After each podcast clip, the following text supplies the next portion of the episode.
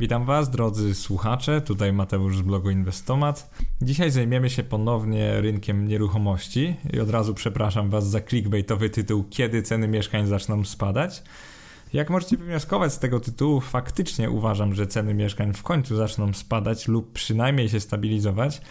I teraz zadałem sobie takie pytanie, zanim jeszcze zapisałem te, napisałem ten wpis i nagrałem podcast, w jaki sposób mógłbym w zasadzie dojść do tego, kiedy one będą spadać, bo no nie jestem tak omnibusem, nie jestem Bogiem, no skąd mam, nie mogę przewidzieć czegoś, o czym nie mam pojęcia. Natomiast zestawiając pewne fakty, i co ciekawe, to są te same fakty, których używają e, zwolennicy rynku nieruchomości, czyli ci, którzy zwolennicy tej takiej, powiedzmy, bańki, tej teorii, że mieszkania będą wiecznie rosły, że ich ceny będą wiecznie rosły, co jest oczywiście w ekonomii dość no, nieprawdopodobne, ale to jest inna sprawa.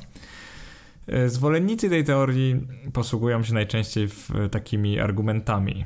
Przykładowo, polska demografia jest silna i będzie się rodzić coraz więcej dzieci, więc nie będzie problemu, żeby znaleźć chętnych na te mieszkania. To jest pierwszy argument. Drugi argument to migracja, czyli do Polski będzie migrować coraz więcej osób, bo Polska staje się coraz bardziej atrakcyjnym rynkiem pracy.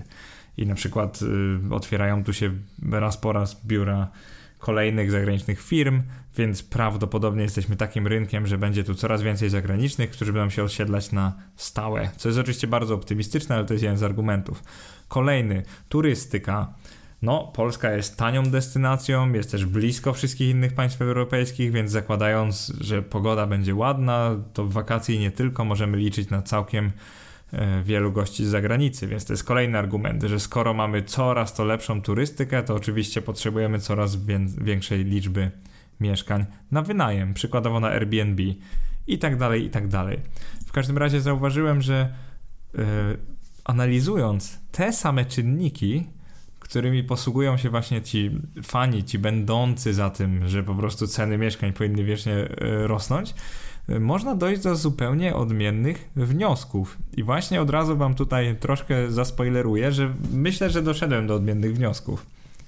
No więc zaczynamy. Żebyście zrozumieli, w jaki sposób ten podcast będzie nagrany, Najpierw spojrzymy sobie na oczekiwania sprzedających, a ceny transakcyjne. Czyli zestawimy sobie te ceny ofertowe, to ile sprzedających chcieliby uzyskać, a to ile kupujący faktycznie płacą. I znowu spojrzymy tutaj na Gdańsk i Warszawę. To to będzie pierwsza rzecz w tym podcaście. Druga rzecz, demografia. Spojrzymy sobie, ile teraz mamy ludzi w jakim wieku, teraz w roku 2020 oraz jaka jest prognoza zmian do 2050, czyli kolejne 30 lat. Ile ludzi przybędzie lub ubędzie, jak będzie wyglądać ta struktura, czyli ile będzie pracujących do niepracujących, co jest dość istotne. Zaraz Wam wyjaśnię dlaczego. Następnie spojrzymy sobie na imigrację, czyli znowu zadajemy sobie pytanie, czy w ciągu kolejnych lat dalej będziemy obserwować taką dynamiczną e, imigrację zarobkową do Polski, czyli czy dalej jesteśmy takim dobrym e, pracodawcą dla osób z zagranicy. To jest myślę dość ważny czynnik kształtujący y, popyt na rynku nieruchomości, więc przeznaczymy dla niego, na niego trochę czasu. Następnie porozmawiamy o turystyce, czyli czy faktycznie Polska jest coraz lepszą destynacją wakacyjną i czy przylatuje tu coraz więcej osób i przyjeżdża oraz czy zwiększa się liczba miejsc hotelowych. Później zastanowimy się, ile osób posiada, a ile wynajmuje mieszkanie w różnych krajach europejskich, czyli spojrzymy na tą strukturę własnościową mieszkań i tu będziecie zaskoczeni po raz pierwszy, podejrzewam. E, zobaczymy, jak to się zmieniało w Polsce. Później spróbujemy znaleźć taką informację o pustostanach, czyli ile w tej chwili nieruchomości pustych stoi, takich niezapełnionych w jakim kraju europejskim, i sami wtedy będziecie mogli już wysnuć dużo, dużo fajnych wniosków. Następnie zestawimy to wszystko, czyli spróbujemy znaleźć te plusy i minusy, minusy przyszłości rynku mieszkaniowego w Polsce i sprawdzimy, ile mieszkań się teraz buduje i, i jak wygląda ta dynamika budowy nowych mieszkań. I na samym końcu, jak już dojdziemy do pewnych wniosków, wykonam taką prognozę popytu i podaży e, na mieszkania w Polsce, z której dość jednoznacznie wyjdzie, w którym roku mieszkania powinny tanieć, a w którym stanieją wręcz na pewno. E, więc już tak naprawdę przegadałem 5 minut na wstęp, także od razu ostrzegam, to będzie prawdopodobnie dłuższy podcast niż 20 minut, ale spróbuję zamknąć się w 30. Zaczynamy. Jak zmieniały się oczekiwania sprzedających wobec cen transakcyjnych nieruchomości?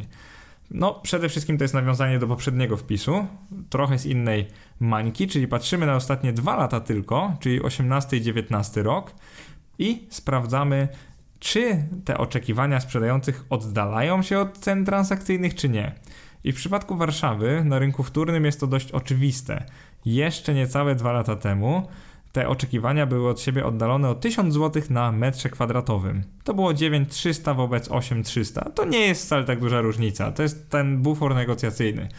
Natomiast jak sprawdzamy sobie, jak było jeszcze dwa kwartały temu, czyli w kwartale trzecim roku 2019, sytuacja by była diametralnie inna, bowiem ta różnica oczekiwań wynosiła aż 2000 zł i to jest naprawdę sporo, bo wyobraźcie sobie, że sprzedający rzucają ceny w wysokości tam 11 tysięcy złotych brutto za metr, a kupujący są w stanie zapłacić tylko 9 tysięcy. Więc ta luka negocjacyjna się znacznie poszerzyła. I to jest Warszawa. I to by wskazywało na to, że no jednak rynek warszawski może nie rośnie albo nie będzie rósł tak szybko, jak na to wygląda. I te ceny się ustabilizowały na takim rozsądnym poziomie, jak sugerowałem we wpisie i w podcaście pierwszym z tej serii. Jeżeli spojrzymy na Gdańsk, Tutaj sytuacja jest troszkę inna, czyli przez te dwa lata ta luka wcale się nie zmieniała tak szybko. E, teraz jest raczej szersza niż węższa, bo też wynosi 2000, ale wygląda to, że w Gdańsku ta luka o wartości 2000 zł była tak naprawdę dwa lata temu również wystąpiła na rynku. Więc to nie jest wcale jakaś anomalia i wygląda na to, że w Gdańsku te ceny, które możecie zobaczyć w ofertach, zazwyczaj są dość odległe do tych, które się faktycznie płaci za mieszkania. No i to jest pierwsza rzecz. Dlaczego od tego zacząłem? Ano dlatego, że skoro mamy szeroką tą lukę negocjacyjną, może to oznaczać przyszłe spadki cen mieszkań. Dlaczego? Bo kupujący po prostu się zmęczą, nie będą chcieli już kupować za te 11-12 za metr i powiedzą basta, mamy dość, maksymalnie możemy zapłacić 9, chcecie czy nie. No i zastanówcie się, co się wtedy stanie, więc to jest taki silny początek tego podcastu. Dalej, przechodzimy do demografii.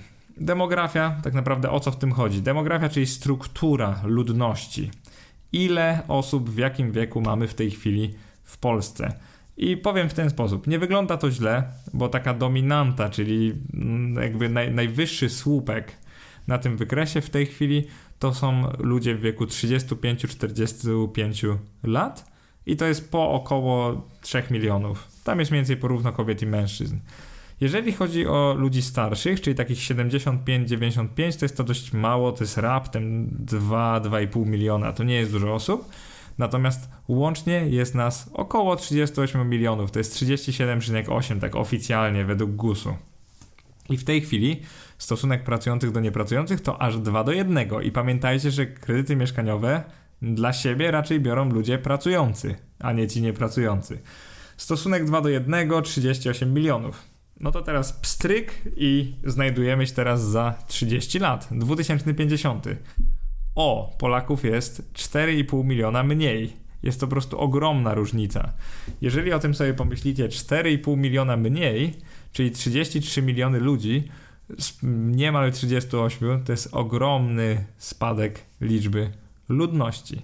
I w tym momencie, w 2050 roku, mamy ten stosunek pracujących do niepracujących około 1 do 1. Czyli już takie, ten, to ratio jest takie troszkę niebezpieczne. Co to oznacza? Tyle samo emerytów, co pracujących, czyli tylu pracujących musi utrzymać tych emerytów, to jest jeden problem, ale nie jest to wpis o emeryturach ani podcast, więc co to znaczy z punktu widzenia tak zwanej mieszkaniówki? Skoro mamy tak mało ludzi pracujących, to czy oni będą chcieli brać kredyty hipoteczne? No, może ich być po prostu. E, nawet jeżeli ich będzie stać, to jest ich po prostu za mało, żeby dalej rozkręcać ten rynek w takim tempie jak teraz. Czyli demografia, taka o, ocena obiektywna demografii. No, jeżeli będzie aż 4,5 miliona mniej, to ten popyt na rynku nieruchomości będzie prawdopodobnie o wiele niższy niż dzisiaj. Tylko pamiętajcie, 30 lat to jest długi okres i jeszcze wszystko się może zdarzyć. Natomiast te świeże, ostatnie statystyki liczby urodzeń na kobietę to jest chyba 1,4. To już po wprowadzeniu 500. Mieliśmy taki skok do 1,6 i teraz znowu one spadły do 1,4.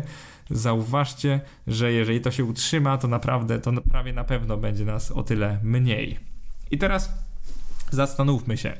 No dobrze Skoro Polacy nie będą się rozmnażać wystarczająco szybko, to może chociaż imigracja do Polski wpłynie dobrze na ten popyt mieszkaniowy, czyli no dobrze, tracimy tą liczbę ludności, no ale przecież jesteśmy rynkiem atrakcyjnym, więc na pewno ludzie z Ukrainy, z Białorusi, z Rosji, ze wschodu, nawet z Chin, z, z Tajlandii i tak dalej będą do nas przyjeżdżać. I teraz spójrzmy znowu na fakty. Czyli bierzemy rok 2013-2019, czyli te ostatnie lata.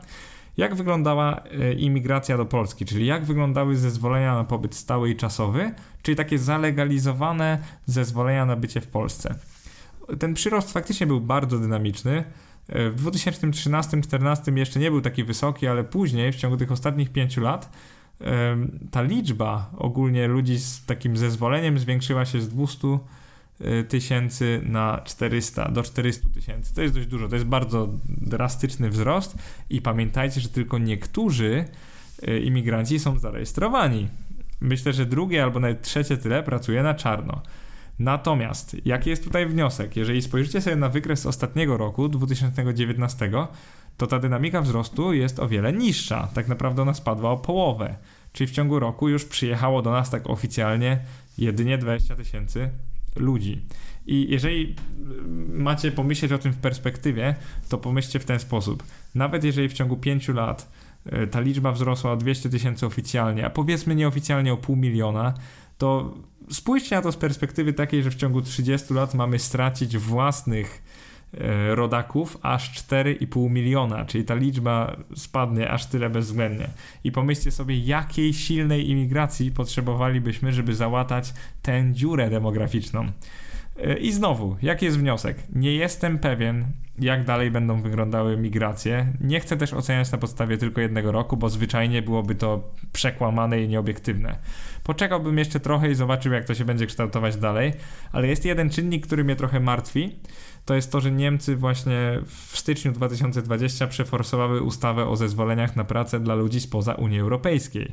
I co to znaczy? To znaczy, że na przykład nasi goście z Ukrainy będą mogli bardzo łatwo zmienić miejsce pracy na Niemcy, gdzie po prostu będą zarabiać o wiele, wiele więcej. Więc spytajcie się, jak myślicie? czy ta imigracja do Polski dalej będzie postępować, czy raczej nie. Więc ja raczej jestem w tym drugim kierunku i obstawiam, że może jej dynamika będzie spadała, ona dalej będzie pozytywna, ale wątpię, że będziemy potrafili załatać tak dużą dziurę demograficzną właśnie imigrantami lub uchodźcami. No to trzeci filar tego rynku mieszkaniowego to jest turystyka. Zauważcie, jak wiele osób kupuje mieszkania za gotówkę, również na wynajem tak zwany letni, dla tak zwanych letników, czyli z zamiarem na przykład wynajęcia studentom na 8 lub 9 miesięcy, a te pozostałe 3-4 wakacyjne wynajęcia turystom o wiele, wiele drożej na tak zwane nocki. No i teraz tak, strategia jest niby dobra. Polska jest coraz bezpieczniejsza, coraz bogatsza, dalej jest krajem dość tanim, pogoda w wakacje jest u nas całkiem przyzwoita, więc dlaczego by nie przylecieć, nie przyjechać do Polski? No, myślę, że to jest dość dobre założenie. Jeżeli chodzi o liczbę turystów przebywających w obiektach noclegowych, czyli nie w hotelach, e, ta liczba bardzo dynamicznie wzrosła. Ostatnie 10 lat praktycznie się podwoiła. To było 3,7 miliona na prawie 7 milionów. Także wyobraźcie sobie, podwoiła się liczba gości właśnie w mieszkaniach takich przystosowanych na hotele. Jeżeli chodzi o pokoje hotelowe wynajęte w ciągu ostatnich 10 lat, ta liczba również się podwoiła, czyli z 5 milionów na prawie 10. Więc turystyka zawsze była czynny, takim silnym czynnikiem wpływającym na wzrosty cen nieruchomości, zwłaszcza w miejscowościach atrakcyjnych, nadmorskich, w stolicy, w górach i tak czyli we wszystkich takich atrakcyjnych, bardziej atrakcyjnych miejscach turystycznych. I teraz tak, co to znaczy dla rynku nieruchomości? Zauważcie, że ten czynnik jest ważny, ale może jeżeli nie ma wystarczającej liczby pokoi hotelowych, bo wtedy to jest racjonalne, żeby kupować mieszkanie na wynajem dla turystów. Tylko jak wygląda ten wzrost właśnie liczby hoteli i hosteli w Polsce w ciągu ostatnich no 10, trochę ponad 10 lat? I tutaj macie niespodziankę, ponieważ liczba hoteli się również podwoiła. I to jest właśnie z 2000 na ponad 4000. I co to znaczy? To znaczy to, że hotele dość dobrze zaspokajają ten wzrost liczby turystów i tak naprawdę nie jest on tak drastyczny dla tych właścicieli mieszkań. Czytajcie, niedługo oni mogą mieć pustostany w wakacje. Yy, więc nie będzie pełnego obłożenia, tylko na przykład połowę okresu tego urlopowego, wakacyjnego, takie mieszkania, zwłaszcza nie te najlepsze, będą stały puste, więc będą musieli konkurować cenowo o wiele mocniej niż teraz. Czyli tak konkludując tą pierwszą część podcastu, demografia nie wygląda najlepiej, z imigracją nie jestem pewien, wygląda neutralnie w tej chwili. Turystyka wygląda ok, natomiast jest zaspokajana liczbą hoteli, która również wzrasta. Więc to absolutnie nie jest tak, że hotele przestają się pojawiać i tylko mieszkania mogą uratować polską turystykę. Więc nie myślcie sobie, że tak jest, bo tak po prostu nie jest i pokazują to liczby.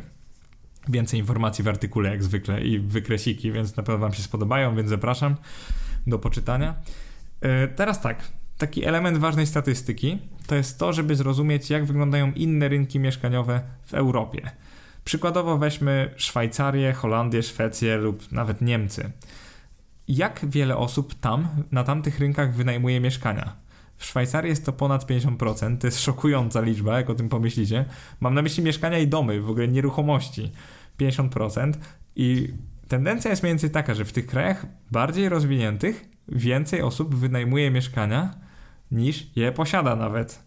Y, natomiast w Polsce, która jest gdzieś tam w połowie tej, tego, tego powiedzmy okresu rozwijania się, ponad 70% posiada mieszkanie i takie mieszkanie bez kredytu 73%. I o ile ta gęstość zamieszkiwania w polskich domach jest dość wysoka, bo to jest 2,7 osoby średnio na dom lub mieszkanie, y, wobec Unii, gdzie to jest 2 około, więc wyobraźcie sobie, że średnio w Unii dwie osoby mieszkają w jednym domostwie, w Polsce jest to prawie 3, to różnica jest taka, że w Polsce prawie każdy jest właścicielem swojego mieszkania. Czyli 73% posiada mieszkania, Następnie 11% ma mieszkanie, mieszka w mieszkaniu swoim, ale na kredyt, czyli jeszcze nie do końca swoim, ale mimo wszystko nie wynajmuje. Jak już to wynajmuje od banku w pewnym sensie. Natomiast tylko 16%, tak jak ja w tym momencie, wynajmuje mieszkania. I tak w perspektywie Unii Europejskiej jest to bardzo, bardzo mało. To 16% to jest prawie nic. I teraz dlaczego o tym teraz mówię? Dlaczego tak to podkreślam? No bo pomyślcie sobie w ten sposób. Jeżeli kupujesz mieszkanie na wynajem, czyli grasz też pod wzrost wartości, ale przede wszystkim chciałbyś ty wynająć swoje mieszkanie komuś, pomyśl sobie w ten sposób. Jeżeli tylko 16% Polaków wynajmuje mieszkanie, a Polaków będzie coraz mniej, to jakie wnioski ci się nasuwają? I teraz nie chcę ciebie straszyć, ale dla tego rynku to znaczy prawdopodobnie to, że ci Polacy umierający, ludzie starsi, będą zostawiać swoje mieszkania potomnym, czyli te mieszkania będą trafiać najprawdopodobniej na rynek. Skoro Polaków będzie o 4,5 miliona mniej, a tylko 16% chce wynająć mieszkanie, to pomyślcie sobie, jak ten rynek wynajmu będzie wyglądał za raptem kilka, nawet 5-10 lat. No ale mówię, nie, nie, nie mówię o tym tylko po to, żeby straszyć, tylko raczej, żebyście się zastanowili, jak to może wpłynąć na ceny mieszkań. Teraz ta tendencja posiadania w Polsce bardzo mocno zmieniła się po ostatniej bańce na rynku nieruchomości, czyli między latami 2009 a 2011 bo wygląda na to, że w 2009 aż 30% wynajmowało mieszkania, ale później gwałtownie zaczęli kupować. Po prostu ceny mieszkań spadły, więc ludzie tak potocznie rzucili się na mieszkania i w dużej mierze kredytowali się.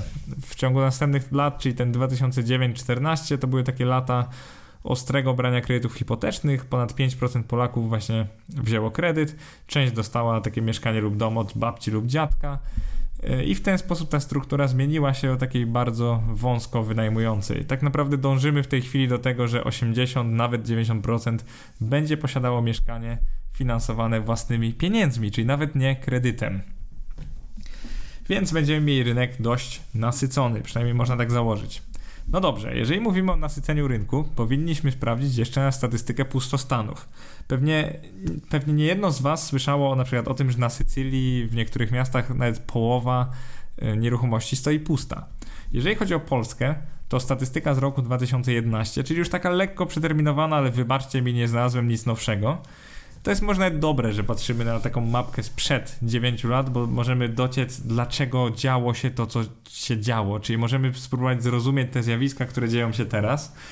E, wygląda na to, że w Polsce było bardzo mało pustostanów, czyli to jest trochę efekt tych lat e, wojny, trochę efekt PRL-u, gdzie, gdzie często rodziny takie bardzo wielodzietne mieszkały w jednym małym mieszkaniu. I co ciekawe, w większości województw e, ta, ten procent pustostanów wynosi mniej niż 5, mniej niż 5%.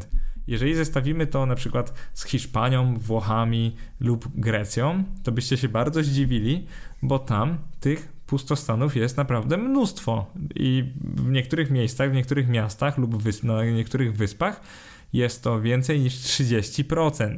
I teraz wyobraźcie sobie, że jesteście na przykład w tej chwili w Warszawie i 30% mieszkań stoi pusta. To brzmi absurdalnie, bo no nie mamy takiego rynku. Jeszcze. Ale jak sobie pomyślicie, dlaczego te mieszkania stoją puste, no nic innego jak starze, starzejące się społeczeństwo. Jest po prostu, będzie coraz mniej e, ludności, budowało się bardzo dużo. No i teraz mamy taką sytuację, że no niekoniecznie łatwo jest znaleźć kogoś e, na najem. Więc myślę, że ta mapka też jest bardzo istotnym elementem tego podcastu żeby sobie uświadomić, że w Polsce było bardzo mało pustostanów, więc naturalnie, jeżeli bu dalej budują się nowe mieszkania, to już zupełnie abstrahując od demografii, bo póki co jest dość dobra, to one będą znajdowały nabywców. I teraz tak, zestawiając te wszystkie fakty, na razie wygląda na to, że te ceny mieszkań mogą trochę zwolnić przynajmniej. Spójrzmy jeszcze na taki, taką jedną ważną statystykę, czyli pozwolenia wydane na budowę mieszkań. To są dane kwartalne, yy, też od GUS-u. E, przede wszystkim spójrzcie na historię 2005-2007 coraz więcej pozwoleń. Tam kwartał do kwartału z 20 tysięcy nagle wzrosło do 70 w ciągu 3 lat. Wyobrażacie to sobie. Zaczęło się budować trzykrotnie więcej mieszkań. I jakbyście nałożyli sobie na ten wykres ceny tych mieszkań w tamtych czasach, to zobaczycie, że im wyższe były ceny metra, im wyższą marżę mógł ugrać deweloper, tym naturalnie więcej budował, no bo pozwolenia pozwolenia na budowę mieszkania to jest nic innego jak no po prostu chęć, taki zamiar budowy mieszkania i tak naprawdę już rozpoczęcie robót. I teraz co ciekawe, ceny spadły rok 2010 do tak 14-15 i ten ta właśnie podaż, ten wzrost podaży był mniej więcej równy, czyli 40 do 50 tysięcy mieszkań co kwartał. I co obserwujemy w ostatnich 4-5 latach, to jest właśnie bardzo podobny do tego z przeszłości wzrost. Czyli znowu z 40 tysięcy powoli nam się robi 80 na kwartał, bo po prostu ludzie chcą kupować te mieszkania, więc jakby nie ma się co dziwić, jest na nie popyt w dużych miastach, ludzie je kupują, mimo tego, że ceny rosną, buduje jest coraz więcej. Dlaczego teraz o tym powiedziałem? To jest bardzo proste. Skoro nie wygląda to za dobrze demograficznie. Imigracja i turystyka są takie niepewne i trochę balansowane przez hotele i na przykład pracę w Niemczech. Skoro pustostanów jest też coraz więcej, bo było ich mało, ale to nie znaczy, że dalej jest, a liczba mieszkań bardzo szybko wzrasta, przy czym ludzi będzie coraz mniej w Polsce, no to zgadnijcie do czego zmierzam.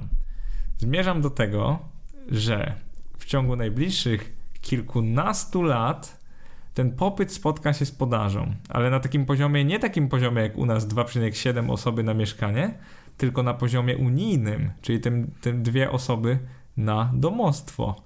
I teraz wyobraźcie sobie, że mieszkań się buduje i budowało tyle, że właśnie ta liczba rośnie naprawdę szybko. We wpisie macie liczby podane, jak jesteście ciekawi ludzi będzie coraz mniej i te dwie krzywe spotykają się dokładnie w roku 2033. I teraz co to znaczy? No dobra, za 13 lat mamy jeszcze dużo czasu, do tego czasu ceny mieszkań będą rosły. No i właśnie niekoniecznie, bo to, że trend się teraz rozpoczął, że te krzywe popytu i podaży są coraz bliżej siebie, to nie znaczy, że w ciągu najbliższych kilku lat Polacy nie zaczną już właśnie, tak jak mówiłem, wymierać. Co z tego, że w ciągu 30 lat liczba ludności spadnie o 4,5 miliona, jeżeli w ciągu 5 lat spadnie już o na przykład milion? I teraz wyobraźcie sobie w ten sposób. Ludzie starsi często mieszkają razem, ale naj, najwięcej w dwie osoby. Czasami nawet tacy ludzie mieszkają sami. Wyobraźcie sobie, że nagle ci ludzie znikają i co się dzieje z ich mieszkaniami? No, są przekazywane komuś innemu. Ten ktoś inny raczej nie będzie chciał tam mieszkać, tak podejrzewam, więc raczej wystawi je na rynek.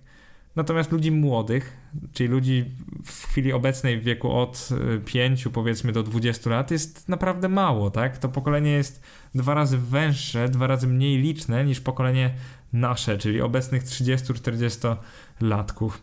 I teraz co chcę tym samym powiedzieć? To to, że mimo, że ten popyt z podażą spotkają się dopiero za 13 lat, to chciałbym wam przekazać taką wiadomość, że bardzo prawdopodobnie ceny mieszkań zaczną spadać już teraz, dosłownie w tym roku. Wydaje mi się, że teraz powinien wystąpić ten szczyt cen. Oczywiście mogę się mylić. Nawet bym się aż tak nie zdziwił, jeżeli jeszcze dwa lata ceny by tak trochę rosły. Czyli te średnie, na przykład warszawskie, wzrosłyby z 9 na rynku pierwotnym, wzrosłyby do 11. Wcale bym się tak nie zdziwił, ponieważ ciężko to wyestymować dokładnie.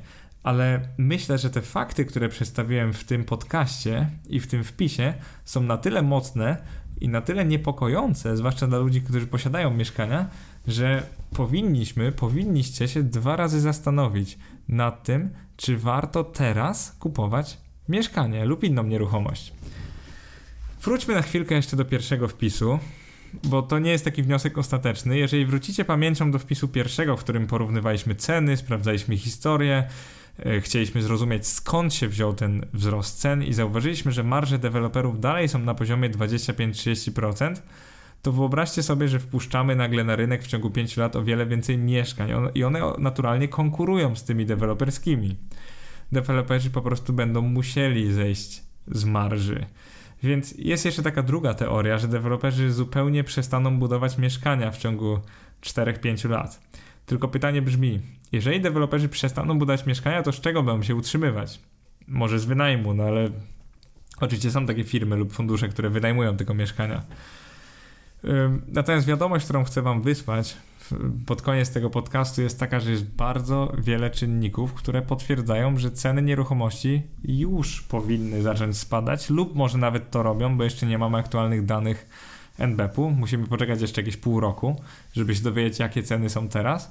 Natomiast to, co ja tak osobiście często obserwuję na różnych portalach, zwłaszcza tutaj w Trójmieście, to to jest to, że te ceny już w niektórych dzielnicach, tych nawet dobrych dzielnicach, typu na przykład Gdańsk-Wrzeszcz e, lub Sopot, Brodwino, Kamienny Potok, e, te ceny zaczęły schodzić z takich ponad 10 jeszcze niedawno e, tysięcy złotych za metr kwadratowy do raptem 7-8.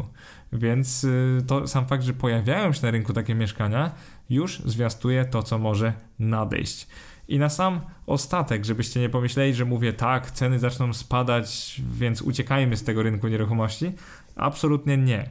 Nie powiedziałem, że ceny zaczną spadać jakoś drastycznie albo podobnie jak spadały w roku 2008-2009. Dlaczego uważam, że zaczną spadać wolniej lub nawet będą stały na jednym poziomie i przestaną rosnąć?